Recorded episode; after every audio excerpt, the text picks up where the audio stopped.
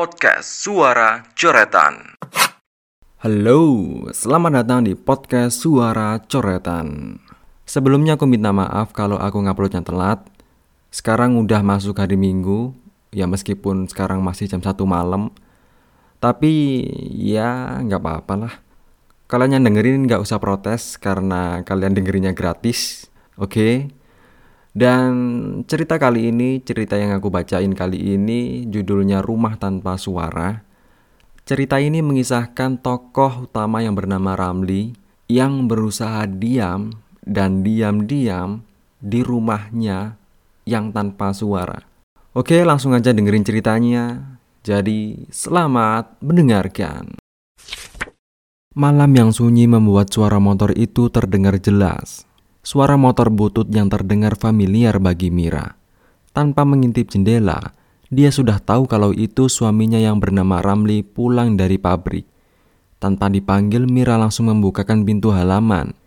Ramli melihat Mira masih memakai celana jeans dan kaos dengan bordir merek rokok di belakangnya.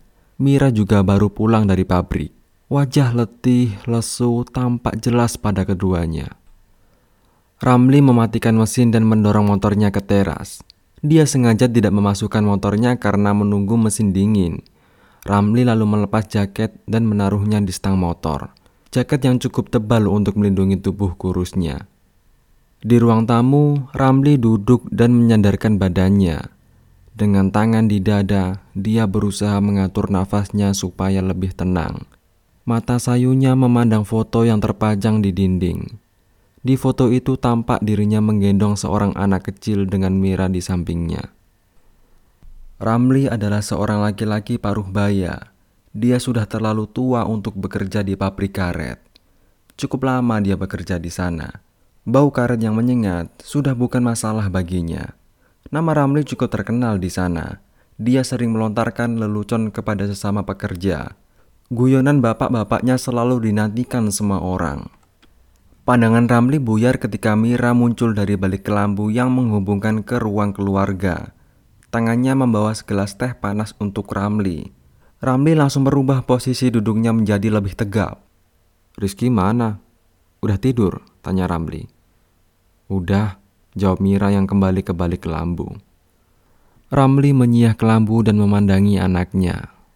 Dia melihat Rizky tertidur pulas di atas kasur lantai dengan baju bergambar kartun yang sedikit tersingkap.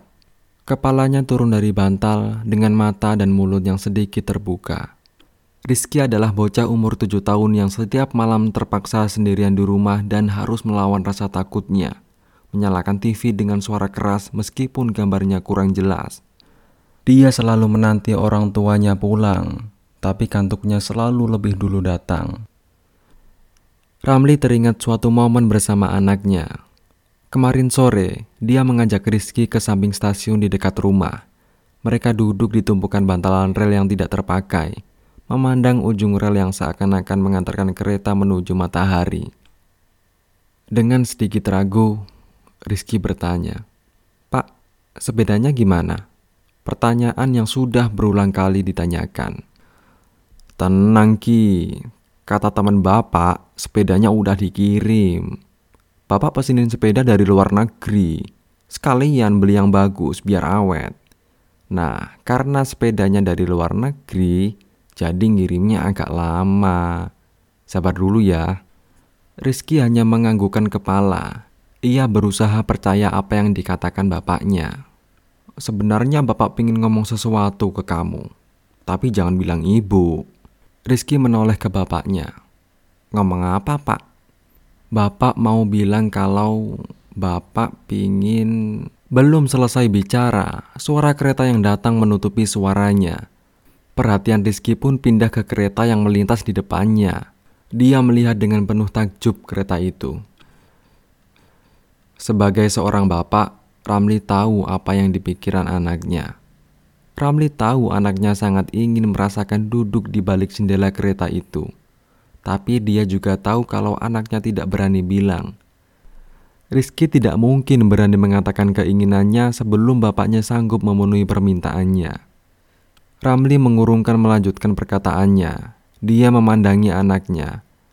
Wajah polos Rizky membuat Ramli merasakan beban pikiran yang selama ini dia pendam. Dia merasa gagal sebagai seorang bapak. Rizky adalah alasan kenapa keluarga Ramli masih utuh. Dia adalah manusia yang paling ditunggu Ramli dan Mira. Rumah tangga mereka hampir berakhir karena dulu Ramli ingin berpisah dengan Mira. Tapi karena Rizky, Ramli dan Mira kembali mempertahankan rumah tangga mereka Kehadiran Rizky membuat kebahagiaan kembali mewarnai rumah itu.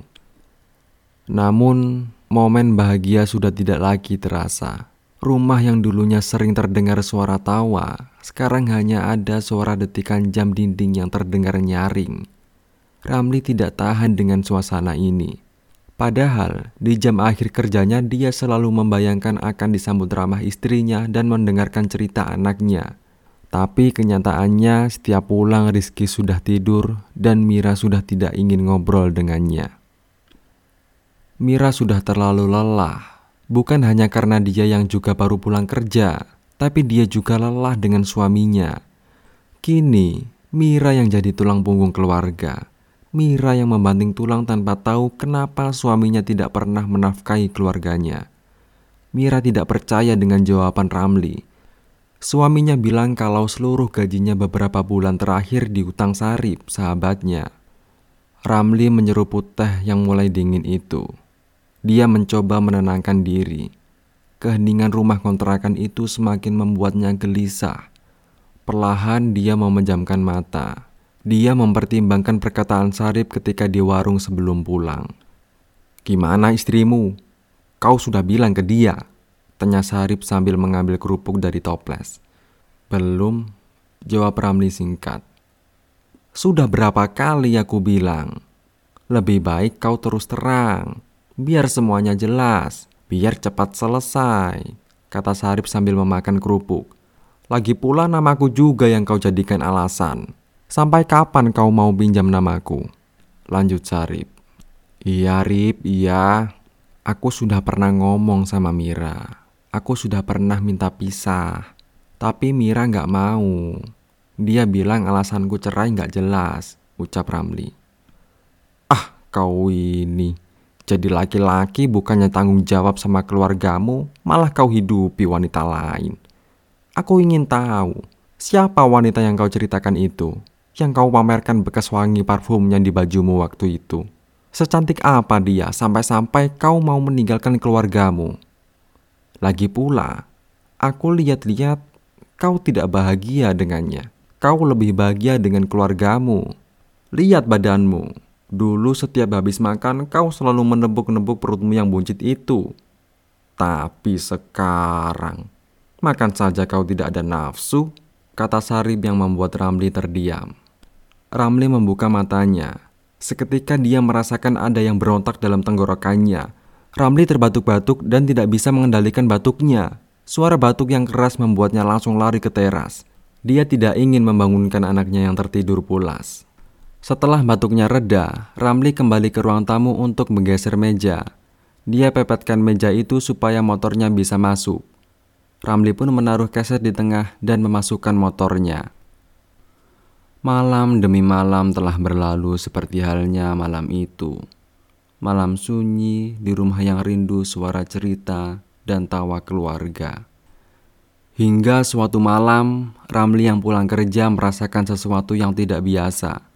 Dia melihat pintu halaman tidak dikunci. Ramli pun membuka pintu dan mendorong motornya. Di balik jendela, Ramli melihat Mira duduk di ruang tamu. Mira duduk dengan mata yang masih basah, mata yang bengkak karena terlalu mengeluarkan banyak air. "Ada apa?" Tanya Ramli yang baru datang. Duduk, jawab Mira. Kamu kenapa? Tanya Ramli yang masih berdiri. Duduk, jawab Mira. Ramli pun duduk di samping Mira. Oke, aku akan coba ngomong baik-baik. Kamu pernah ngajak kita pisah. Aku tanya alasannya.